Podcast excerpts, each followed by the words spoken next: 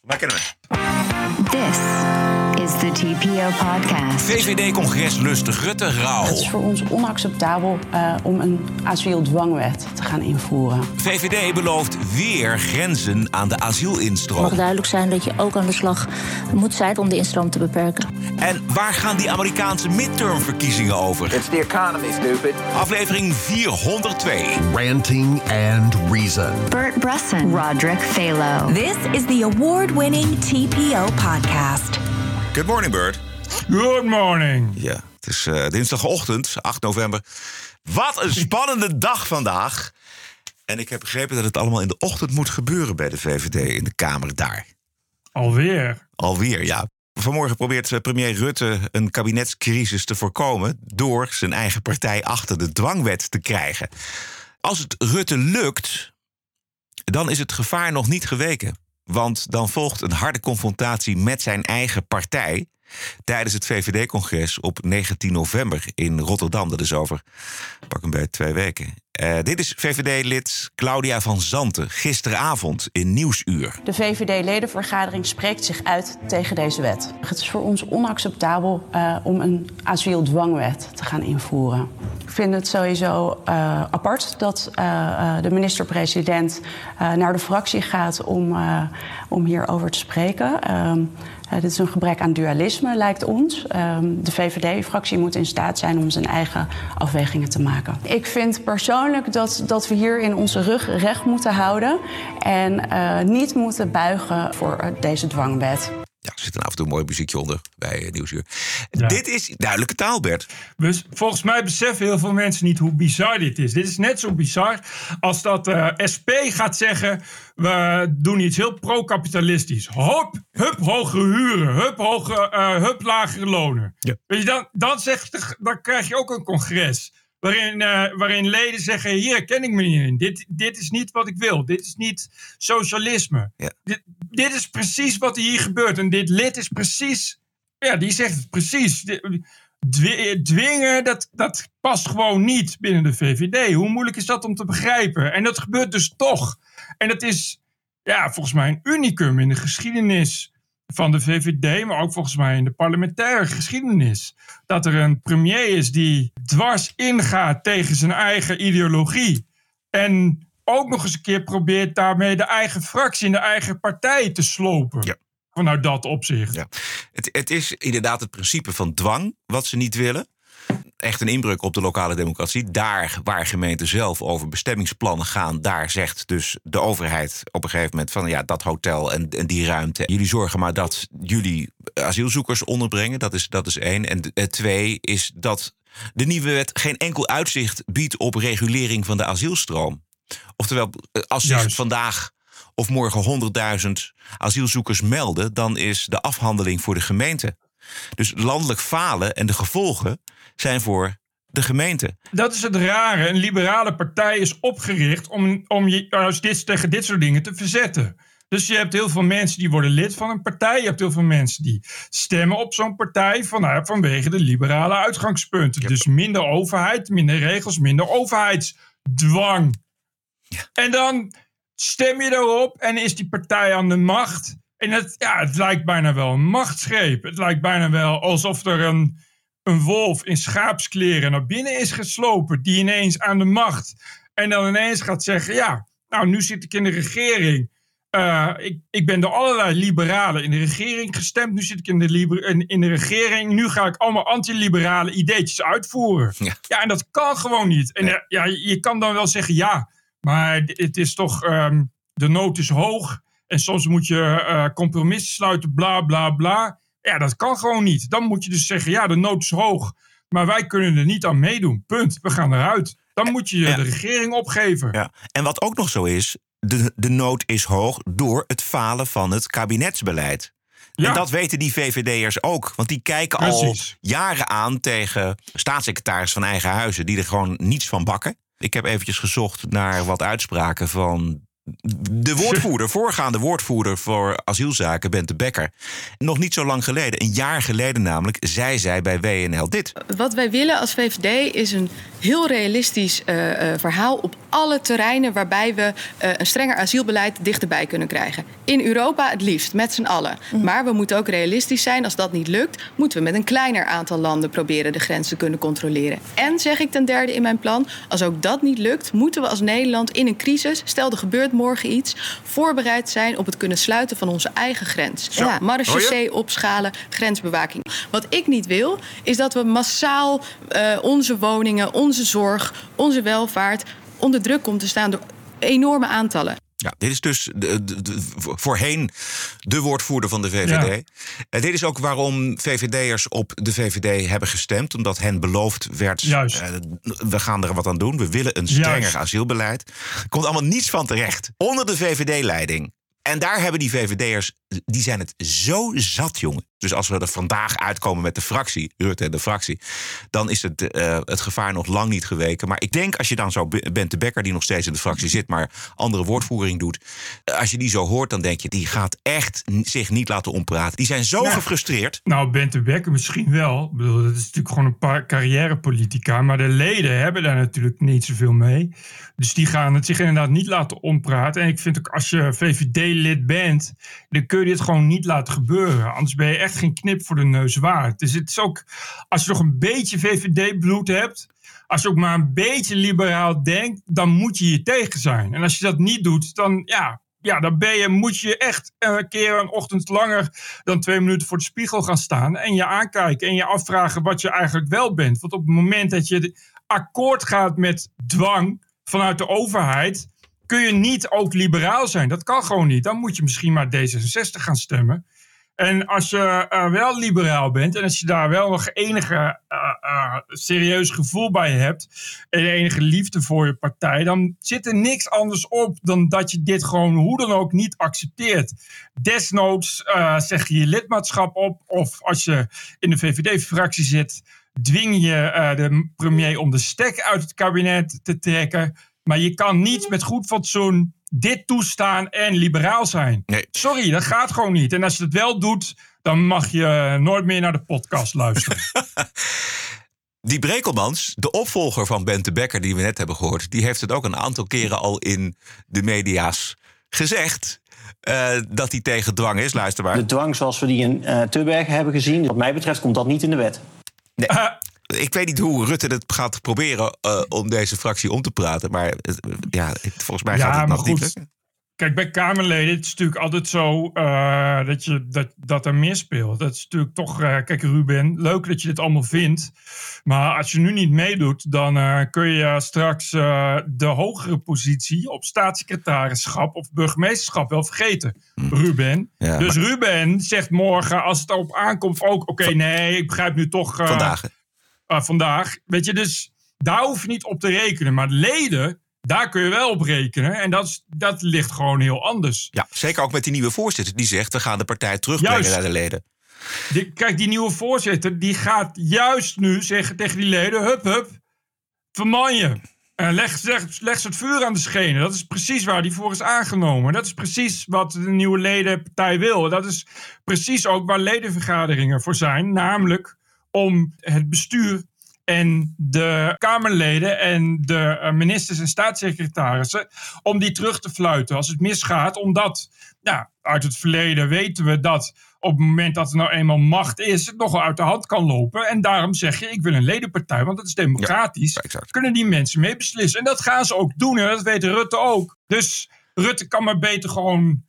Ja, misschien meteen maar beter de stekker uit het kabinet trekken. Het zou best eh, een hele verstandige keuze zijn voor Rutte om te zeggen van nou, dit, is, eh, dit was het. Eh, Ja, dit heeft verder geen zin. Ik bedoel, als je ook kijkt naar hoe dit kabinet eh, steunt op nog geen kwart van wat er eh, ooit op die partijen heeft gestemd, dan kun je zeggen van ja, dit, dit is een. Als het kabinet moet vallen, dan maar op de asielkwestie.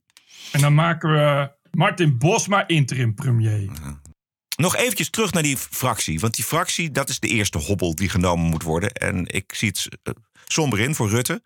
Ehm, ook omdat die Brekelmans eh, meer is dan alleen maar een carrièrepoliticus. Als je nu kijkt, komen er wekelijks ongeveer duizend mensen komen binnen. En er stromen dus maar heel weinig mensen uit. Dat betekent dat je iedere week één of twee nieuwe AZC's eigenlijk nodig hebt. Ja, en dat is gewoon, er is geen ruimte in Nederland voor. We hebben daar niet genoeg uh, opvangplekken voor. En ook niet het personeel om die, al die mensen zorg te bieden, om ze eten te geven, om alles te doen wat nodig is, door, door de procedure te halen bij de IND. Dus ik vind dat je ook in die instroom moet kijken naar crisismaatregelen. En dat kan bijvoorbeeld zijn dat je het grenstoezicht versterkt. En het tweede, ehm, als de instroom zo hoog blijft de komende maanden... en meestal is die in de zomer hoger dan in de rest van het jaar... Ja, vind ik dat je op een gegeven moment ook moet kunnen zeggen... we doen ons asielsysteem een tijdje dicht. Het loket Juist. is in Nederland gewoon dicht. Ons asielsysteem zit vol. Kijk, Juist. deze Brekelmans die heeft dit al zo vaak gezegd in de media. Hij kan niet terug. De geloofwaardigheid van die partij staat op het spel. Ja, maar welke geloofwaardigheid? Dus dat maakt niet uit. Nee, maar, en, maar dat, dat heeft nog nooit een politicus ervan weerhouden om te liegen en te draaien en niet te doen wat hij belooft. Wat zeg maar standaard politiek is. Dus dat, daar komt hij nog wel uit. Maar wat hij zegt is natuurlijk wat iedereen vindt. En dat is natuurlijk het hele probleem. Je kan daar wel eh, eh, alsnog allemaal mee akkoord gaan tegen die liberale waarden in en, en echt een soort antiliberaal, eh antiliberale wet doorvoeren. Maar niemand, iedereen vindt dat inmiddels. In de Volkskrant stond een commentaar van een redactielid waarin stond. Misschien wordt het tijd dat we wat minder op de emoties spelen en wat meer op de, op, op, op, met, wat meer met rationele feiten komen. Omdat we nou al, eh, ja, al eh, tientallen jaren kennen we dit probleem al. En Ja. Dus zelfs, zelfs de Volkskrant begint nu het licht te zien. Kan niet crisis na crisis na crisis na crisis op elkaar stapelen. Want iedereen is op een gegeven moment zat van. Ja, eigenlijk alleen BN'ers vinden nog dat mensen welkom zijn. Maar ja, maar sinds, sinds de wereld draait door er niet meer bestaat... hebben die ook eigenlijk ook geen stem meer. Dus dat scheelt. Alleen heb je dan nog deze premier die zegt... we kunnen geen strengere eisen stellen, want we zitten vast aan Europa. Dit is nog eventjes Nou. Rutte in een eh, persconferentie van 26 augustus dit jaar. Dat kan niet. Het gaat niet. We zijn de Europese Unie. Gaat niet. We zouden toch zeggen, tijdelijk kan het gewoon niet. De komende drie maanden nemen we even geen verzoek in niet. Dan behandeling. moet je uit de Europese Unie stappen. Ja, en dit is gelul. Dit is echt Ja. totaal gelul, want eh, Zweden doen het, de Denen doen het, de Juist. Grieken doen het, de Hongaren doen het. En nu doet Italië het dus ook. Italië heeft Ja. net schepen eh, geweigerd aan, eh, aan de zuidgrens. Dus het kan allemaal wel. Het is gewoon onwil van deze partijleider en van deze premier. En die zit natuurlijk ook in een kabinet, want vergeet dat niet. Als je gaat luisteren naar D66 en naar de ChristenUnie... en in zekere mate ook naar het CDA... dan hoor je mensen die alleen maar willen een ruimer asielbeleid. Je kan gewoon naar de, eh, naar de Europese Unie en zegt... luister, we trekken het niet meer en we gaan het niet doen.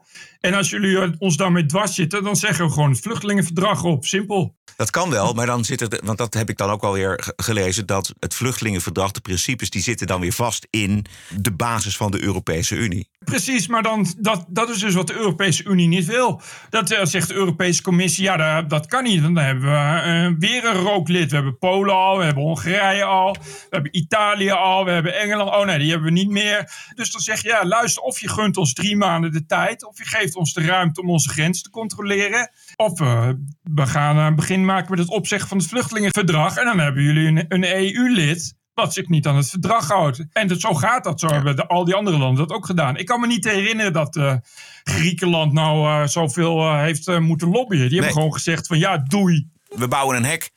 We zijn er We klaar zijn er mee. buitengrens. Ja, we zijn precies. er klaar mee. Het is ook zo ironisch dat deze premier, premier Rutte, die heeft dus eh, een aantal jaren geleden eh, tegengehouden de financiering van 10.000 eh, Frontex-agenten die die buitengrens moesten bewaken. En hij zei van ja, nee, is allemaal te veel, dat is, allemaal te, dat is, dat is me te gek. Wat dat kostte dan een hoop geld. Ja. Daar, daar zat hij dus op. En het was niet in zijn belang, want hij dacht Nederland ligt ver genoeg weg van de buitengrens. Nou, niet dus. Dus hij krijgt het op deze manier ook op zijn bordje. Maar hij moet nu handelen. Hij moet deze ochtend moet hij handelen. Ik neem aan dat de fractie op dit moment eh, daar zit. En vergeet ook niet, Bert, dat Sophie Hermans ook een probleem is. Want Sophie Hermans die heeft dus blijkbaar gezegd tegen al die andere coalitiegenoten: van ja, er ligt een akkoord, eh, de wet kan er komen. En dat blijkt dus helemaal niet het geval te zijn. En Sophie Hermans heeft helemaal geen overwicht op die fractie. Een fractievoorzitter zonder fractie is zij. We hebben het al een paar eh, afleveringen eerder gezegd. Hoe lang blijft Sophie Hermans nog de fractievoorzitter van de VVD? Ja, het is meer een, eh, meer een tassendrager in plaats van een fractievoorzitter. Het lukt haar dus niet om deze wet door de fractie te loodsen. Bovendien in het kabinet, eh, de christenen, de ChristenUnie, ik las gisteren in het Nederlands Dagblad, dat is een ChristenUnie-krant voor de duidelijkheid, eh, dat de christenen ook helemaal klaar zijn met de VVD. Maar dan omgekeerd, omdat ze vinden dat ze, dat ze te weinig doen Ja, voor asielzoekers. Dus de- er is ook al geen steun meer in de coalitie. Alleen dus D66 eh, ja, maar, en, en CDA. Maar CDA, hebben we gezien, eh, is ook alweer een dwarsligger. Die zijn alweer al lang bezig met de volgende verkiezingen. Ja. Zo begrijp ik uit de woorden van eh, Wopke Hoekstra. Die zich nu ineens weer laat gelden. En Christiane van der Wal. Die Wopke Hoekstra vergelijkt met een vlieg. Oh ja? Die zat bij College Tour. Van der Wal vergelijkt Wopke Hoekstra met een vlieg. Eh, ah ja, het wordt Van der Wal niet makkelijk gemaakt. Ze zegt, er vliegen de hele dag vliegen om je heen. Als je niet kiest voor koersvastigheid, maar je gaat alleen maar mappen op die vliegen, dan kom je niet verder. Aldus Van der Wal, dus de stikstofminister van de VVD, ging over stikstofzaken. Wie zijn dan die vliegen, wil de presentator Twan Huis weten. Minister Van der Wal reageert op een interview met CDA-leider Wopke Hoekstra, die zich niet wil committeren aan de stikstofdeadline van 2030. Dit zijn nou van die vliegen. Dit leidt af. Hier heb ik mee te maken, zegt Van der Wal over Wopke Hoekstra.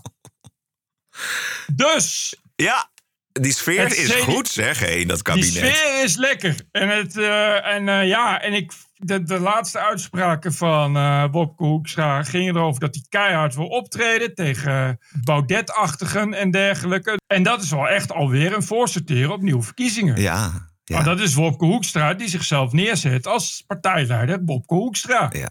Ja. En ik denk ook dat die D66 en ChristenUnie er ook eh, klaar mee zijn. Er worden en tegengewerkt in afspraken over de stikstofcrisis en nu over de asielcrisis. Als ze nu nog doorgaan met het kabinet, zijn ze zelf ook ongeloofwaardig naar de kiezers in hun volgende verkiezingen. Aan alle kanten kraakt het. En je moet ook rekenen, dat is natuurlijk het mooie, dat wat er ook gebeurt, die asielinstroom, die blijft gewoon doorgaan. Want er is helemaal niets wat we daartegen kunnen doen. Dit is echt, de asielinstroom is nu een sluis die wagenwijd open staat en er is geen sluisdeur meer. Nee. Dus het blijft doorstromen en doorstromen en doorstromen tot je er helemaal gek van wordt. En dat komt allemaal terug op het bordje van de VVD en Rutte. Ja. En die kunnen daar niks aan doen. Dus zelfs als Rutte het vandaag nog lukt. En als ze het overleven, dan is het over een paar maanden alsnog bal. Omdat iedereen zich er tegen gaat verzetten. Dus ook CDA. Ja, ja je kunt er wel wat tegen doen, praktische zin. Maar dat gaat niet lukken met dit kabinet, met deze coalitiepartijen. Dat gaat niet lukken met ChristenUnie en D66 op geen enkele manier. En praktisch is er ook niet zoveel tegen te doen. Er, is gewoon geen, er zijn geen AZ AZC's meer. En die kun je niet zomaar even bouwen. Oh, qua opvang bedoel je? Nee. En dat probleem wordt alleen maar groter. Ja, en is, die, die opvang is er gewoon niet. Hoorde gisteren de minister van Justitie Jissel Guus... eh, gisterochtend bij Kokkelmans op Radio 1... over de eigen VVD-fractie. Zij moet een eigen afweging maken. En ik begrijp dat zij ook zeggen eh, tegen de eh, partijleider die we hebben, Mark Rutte... kom maar hier langs om te vertellen wat er dan ook nog gebeurt... naast die wet op eh instroopbeperkende maatregelen. Want dat die cijfers heel erg hoog zijn van het aantal mensen dat ons land binnenkomt... dat is denk ik voor iedereen wel duidelijk. Ja, Eh, dus ik hoop vooral dat daar een goed gesprek plaatsvindt. juist. Vindt u ook dat die aantallen naar beneden moeten eigenlijk? Eh, zeker. Zeker. Ik vind dat we echt duidelijke maatregelen moeten treffen op zowel het beperken van de instroom als op het bevorderen van de doorstroom en uitstroom. Nou, Juist. ik denk dat een wet daar erg kan helpen bij de doorstroom en uitstroom. Maar het mag duidelijk zijn dat je ook aan de slag moet zijn. En dat zijn we overigens al de afgelopen tijd. Maar ook aan de slag moet blijven om de instroom te beperken. Nee, dat laatste is niet waar. Eh, Achter die dwangwet moet zij natuurlijk staan, want het is allemaal kabinetsbeleid. Rutte staat Ja, ook achter die dwangwet. En dan zegt dus het is twee, tweeërlei. Dus enerzijds moet die dwangwet er komen en ze sorteert dus voor op een soort van compromis, dus dwangwet. En tegelijkertijd gaan we de instroom beperken. Maar ja, dat is natuurlijk totaal ongeloofwaardig van een VVD'er. Ja. Die de afgelopen tien jaar helemaal niks heeft gedaan tegen die instroom. Indeed. En waarom Ja. dan nu opeens wel? Omdat er een dwangwet doorheen gejast moet worden. En ik dacht dat het kabinet altijd met één mond sprak, maar... Ja, dit is wel nog wel een mond, toch? Mm, ja, ja, ik vind, eh hier, zij klinkt eh, drie kwart Brekelmans, eerlijk gezegd. Het is dat ze, dat ze het nog opneemt voor die wet. Maar Ja, ja, ja, verder eh, ja. heb je niet echt de ideeën dat het allemaal van harte gaat. Nee. Wat zij is natuurlijk origineel ook van de harde lijn. Zij is van de lijn. Bente Becker. Het is ontzettend spannend. Ik zullen we even kijken of er al wat Ja, eh is al, eh, is- is? Is het kabinet al kapot? Dit is Arjen Noorlander eh, van 17 minuten geleden. Mark Rutte heeft er altijd spijt van gehad dat de VVD te veel ruimte op rechts heeft gelaten. Niet meer doen, vindt hij. Juist daardoor is er allemaal rechtse concurrentie ontstaan. Gaat de VVD-fractie hem daar vandaag aan houden? Nou, dat is een gedachte van Arjen Noorlander. Nee, nog geen nieuws dus. Maar het heeft gelijk. Mm, ja. het, het, is, het klopt gewoon, weet je wel. Dus het is precies het beleid van Rutte en de VVD... die zoveel ruimte heeft gelaten voor Forum voor Democratie... voor JA21, voor BBB. op de NOS van verslaggever Wilma Borgman. eh, dat Rutte naar de fractievergadering komt, zegt veel over de ernst van de situatie. Wat hij gaat zeggen weten we niet, maar hij zal de fractie willen overtuigen van de consequenties van een opstelling. Let op, het is niet uitgesloten dat hij daarbij wijst op een kabinetscrisis. Voor de fractie gaat dit ondertussen over de eigen geloofwaardigheid. Ja, de, de VVD-Kamerleden willen niet meer worden neergezet als een stel ja-knikkers. Nou, dat zou dan tijd worden inderdaad. Exact. Het gaat dus een kabinetscrisisprobleem opleveren, want de andere partners willen dat de VVD zich aan de gemaakte afspraken houdt. De achterband van de ChristenUnie liet al weten met een motie op het partijcongres te willen afdwingen dat de fractie het vertrouwen in de VVD opzegt. Nou. Als de ChristenUnie straks het vertrouwen opzegt, wat heb je dan nog? Ja, niks. Heb je niks meer, is klaar. Precies. En het is ook zo, heel vaak zo dat als een partij, een coalitiepartij, in dit geval de VVD, dus heel erg teruggaat naar inderdaad wat jij zei, de- het liberalisme en we willen geen dwang en we willen, we moeten uitkijken voor onze geloofwaardigheid als partij, eh, dat andere partijen dat ook gaan doen. Want die, dat is een soort van reactie dat als de ene Juist. partij op zijn strepen gaat staan over zijn principes, dat andere partijen dat natuurlijk ook gaan doen, omdat ze niet willen verwateren. Dus ja, En het is mooi, want als er dan nieuwe verkiezingen komen, wordt rechts te groot. Dus zoals in alle Europese landen. Eh, en ja, weet je, dat is dus 30 jaar waarschuwen. en 30 jaar, eh 30 jaar niet willen acteren, omdat het anders te kwetsend en te stigmatiserend is. 30 jaar niet over een probleem willen hebben. eh, is wat je nu krijgt. Dat is nu in alle Europese landen het geval. En dus ook in Nederland. Ja. De eerstvolgende verkiezingen in Oostenrijk en Duitsland. Dat kan nog even duren. Maar je gaat het precies zo. Als in Zweden, als in Groot-Brittannië. ja. En Heel ieder- Europa wordt rechts. En iedereen heeft daarvoor gewaarschuwd, duizend keer.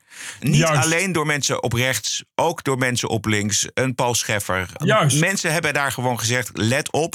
Als de middenpartijen niets doen aan de asielinstroom, dan kiezen de kiezers de mensen die dat wel gaan doen. En dat is precies wat er gebeurde.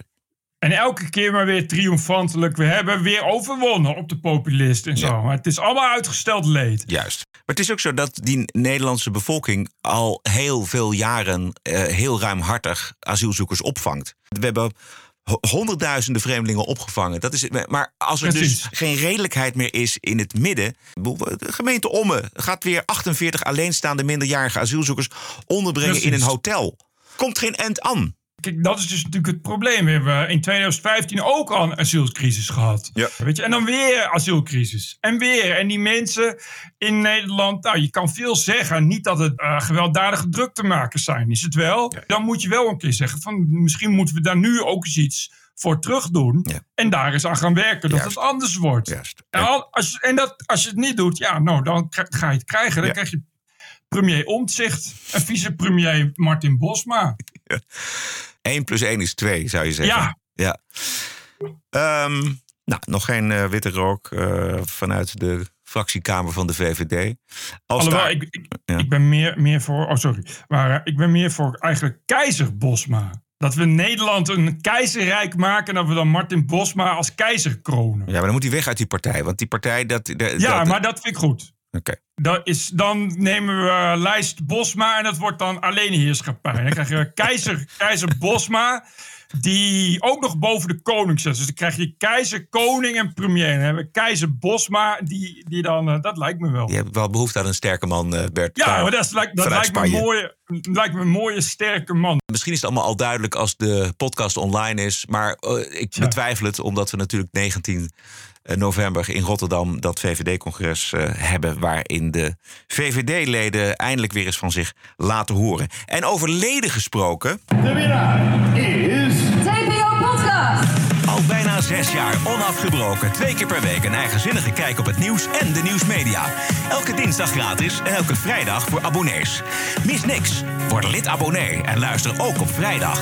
Met elke vrijdag de legendarische Wokweek. You're an adult. Grow up. Deal with it. I don't care. Hou de TPO-podcast in de lucht. Keep the show running. Steun ons en word lid voor nog geen 4 euro per maand. Ga naar tpopodcast.nl. Melden! Thank you. Let's do it. En dan hebben we ook nog midterms verkiezingen. TPO Podcast. Ladies and gentlemen, the president-elect of the United States.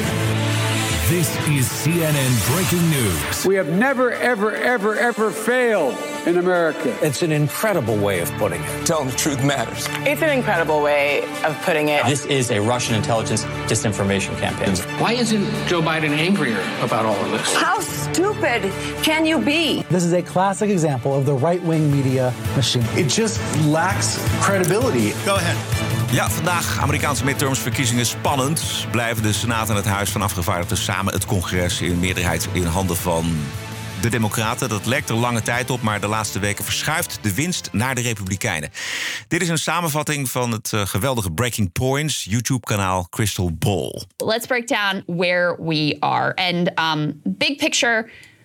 Basically every one of these averages, even the ones where Democrats still hold on to a slim uh, or even significant lead, every one of them has been moving in favor of Republicans. And now you have, you know, 538. I didn't ch- check it this morning, but for the first time, they are giving Republicans a narrow edge in terms of winning the Senate. So you can just see the way the momentum is going right now. Even while saying, listen, polls could be wrong in a variety of directions, even though it's mostly been wrong in recent history in favor of the Democrats rather than in favor of the Republicans. But who the hell knows what's going to happen? But I can just tell you the trend right now has been very much towards Republicans in every single one of these races. Ja, het lijkt er vooral op yep. dat uh, het Huis van Afgevaardigden in handen komt van de Republikeinen. Yep, en het gaat niet, niet zo goed met Amerika. Ik las uh, van de week in The Guardian, maar dat was van The Observer. Kennelijk werken die samen. Drie essays van drie essayisten over een nieuwe Amerikaanse burgeroorlog. En het waren alle drie experts die ook over de andere burgeroorlog hebben geschreven. En andere burgeroorlogen.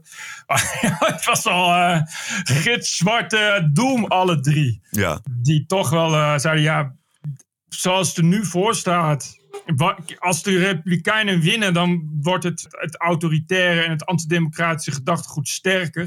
Uh, maar als ze niet winnen, dan gaan ze. Want er is echt een, uh, nu al een meerderheid uh, van de kandidaten. die gelooft dat de vorige verkiezingen een hoax zijn. Dus al die mensen en de Republikeinen hebben de laatste jaren, de MAGA-Republikeinen hebben de laatste jaren veel aan gedaan om dat soort verkiezingsfunctionaris op de juiste post te krijgen. Dus wat er gaat gebeuren is dat ze de uitslag niet gaan, niet gaan accepteren. Ik heb dat ook gelezen. En het zou kunnen. Maar ik, ik dacht ook, bedacht ook van ja, er waren toch ook wel in de Trump-tijd heel veel democraten die de verkiezingsuitslag niet accepteerden en dat bleven volhouden omdat de Juist. Russen daarachter zaten. Dus het is, er zit ook wel enige verkiezingsretoriek achter. Er is bijna geen onderwerp wat niet polariseert. Dus, Juist. En dat land verdeelt. Juist. Um, als je de analyses van veel Nederlandse correspondenten in Amerika leest, dan zou je denken dat de Amerikaanse midtermsverkiezingen vandaag vooral gaan om abortus en de kandidatuur van, van Trump over twee jaar. Maar ik las in de Wall Street Journal zaterdag uh, een poll van wat de Amerikaanse kiezers het belangrijkste vinden. En op één staat, bij 61% van de kiezers, de gewelddadige misdaad. En ook bij 61% het energiebeleid. Dus misdaad, energiebeleid. Ja. Abortus uh, vindt 56% erg belangrijk, ook veel, maar uh, minder belangrijk dan die voorgaande. Immigratie 54%. En de kwesties rond ras en etniciteit, diversiteit en inclusie vindt maar 34% van de geregistreerde kiezers een belangrijk item bij deze verkiezingen. Ja. En de kikker is, schreef de Wall Street Journal, de enorme raciale scheiding in de Democratische Partij. Want 82% van de democratische kiezers van kleur. Die zegt dus dat, dat ze die gewelddadige misdaad dit jaar heel erg belangrijk vinden voor hun stem in die midtermsverkiezingen. Terwijl onder de blanke democratische kiezers dat maar een derde belangrijk vindt. Dus zwarte Amerikanen die heel veel last hebben van misdaad en onevenredig vaak slachtoffer zijn van misdaad in de achterstandswijken van grote steden. Die willen dat die Democratische Partij, hun partij, aan de slag gaat met die misdaad. Maar ja, die partij die wordt bestuurd door nou ja, Juist. rijke democraten. En die denken van nou, dat is een thema voor de Republikeinen. Dat is rechtsextremisme. Daar gaan we helemaal niks aan doen aan die misdaadcijfers. Juist, en dit is dus het probleem. Ja. Dit is dus het probleem van de Democraten. Want die mensen die zeggen, eh, belangrijkste vinden we de misdaadcijfers.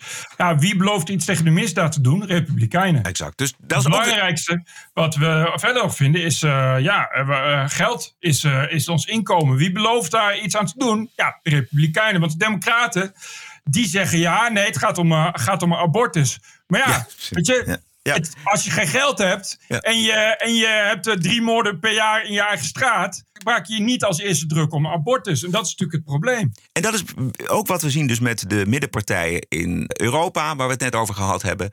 Als, Precies je zo. niet, als je niet luistert naar je eigen kiezers nota bene, weet je wel. Want het zijn zwarte kiezers geregistreerd als democraten. Die roepen, dit is ons probleem. En de partij zegt gewoon van ja, het zal wel. En we kijken de andere kant op, want wij vinden abortus het belangrijkste. En dan wat krijg je dan? Dan krijg je dus inderdaad dat de Republikeinen deze verkiezingen gaan winnen.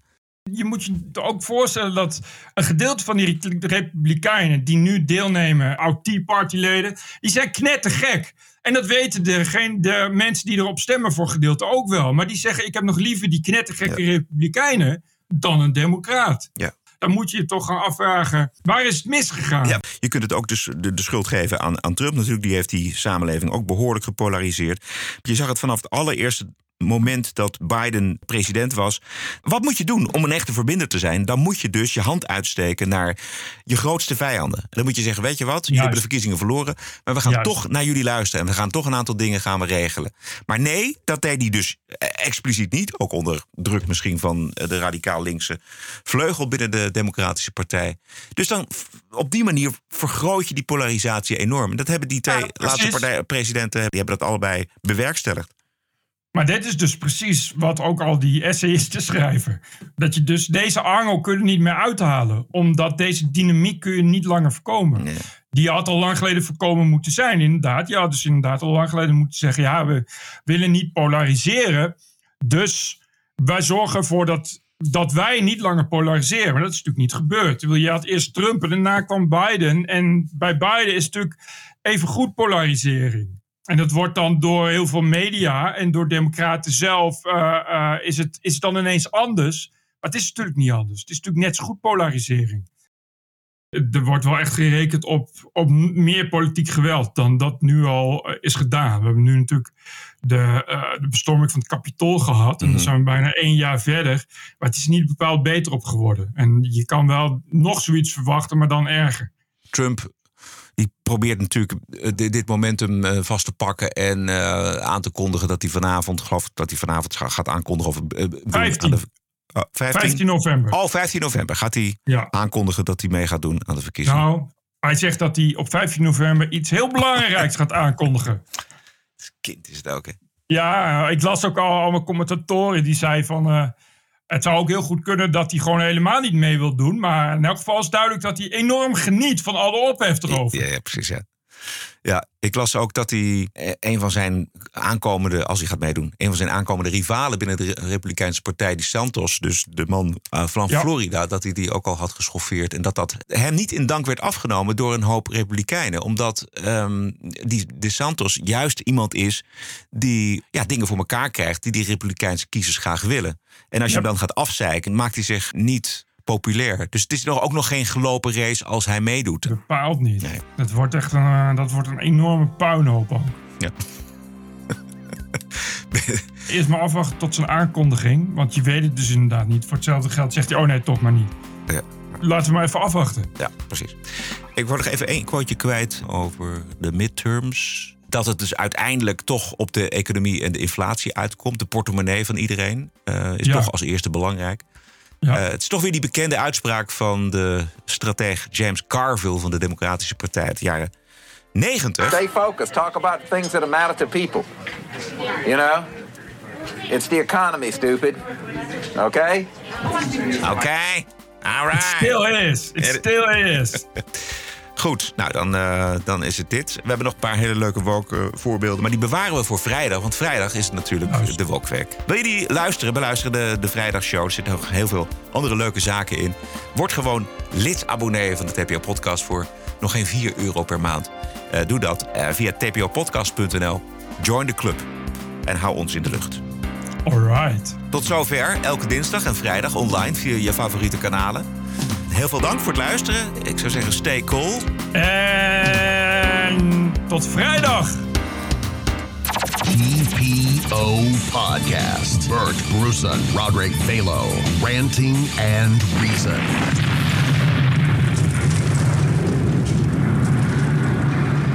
De spreidingswet, en daar gaat de fractie nu verder over. Wat gaat u doen? U zegt u gaat aan de slag. verteld over de spreidingswet?